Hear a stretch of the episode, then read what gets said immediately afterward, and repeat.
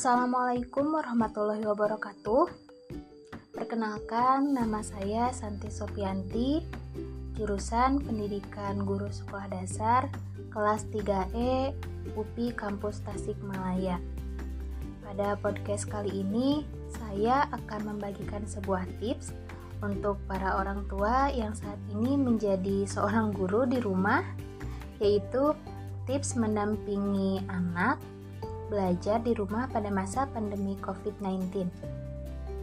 Seperti yang sudah kita rasakan, akibat dari pandemi ini, segala e, bentuk kegiatan sosial menjadi sangat terbatas. Mulai dari pembatasan sosial atau physical distancing, bekerja di rumah, beribadah di dalam rumah, dan dalam bidang pendidikan pun anak harus belajar di rumah. Oleh sebab itu, proses pembelajaran pun harus dilakukan secara daring atau online. Tentu hal tersebut memiliki banyak kendala yang kita rasakan, baik kendala dari siswa, orang tua, maupun guru. Khususnya untuk para orang tua yang saat ini berperan aktif dalam proses pembelajaran anak di rumah. Banyak orang tua yang mengeluh atau merasa terbebani saat mendampingi anak belajar, seperti anak yang susah diatur, kesulitan dalam mengajari anak, dan berbagai masalah lainnya. Sehingga hal tersebut menjadi suatu perjuangan yang melelahkan dan menguji kesabaran para orang tua. Jadi, orang tua jangan sampai emosi pada anak jika anak sulit diatur ya. Perlu orang tua ketahui bahwa kemampuan anak dalam menyerap pelajaran itu berbeda-beda.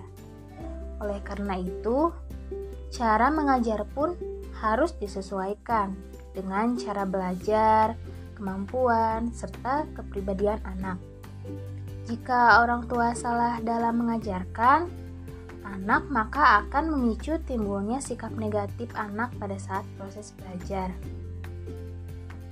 Jadi, orang tua perlu tahu bagaimana mendampingi anak saat belajar agar proses belajar bisa berjalan dengan efektif dan menyenangkan. Tips yang pertama: menentukan lokasi belajar anak.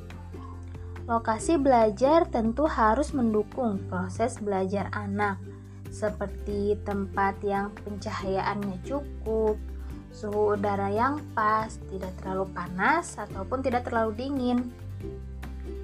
Hindari benda yang dapat mengalihkan perhatian anak, seperti televisi dan mainan.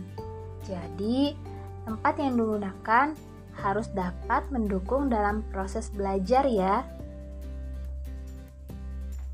Tips yang kedua, memahami kebiasaan anak saat belajar. Pada umumnya, anak dapat mempertahankan kefokusannya sekitar 10-30 menit. Jika anak sudah tidak berkonsentrasi atau sudah merasa kesal, sebaiknya orang tua jangan terlalu memaksakan anak. Berikan anak jeda untuk beristirahat. Tips yang ketiga, memahami gaya belajar yang sesuai dengan anak. Ada tiga gaya belajar anak, yaitu gaya belajar visual, di mana siswa akan mudah untuk memahami materi jika didukung dengan objek visual atau gambar.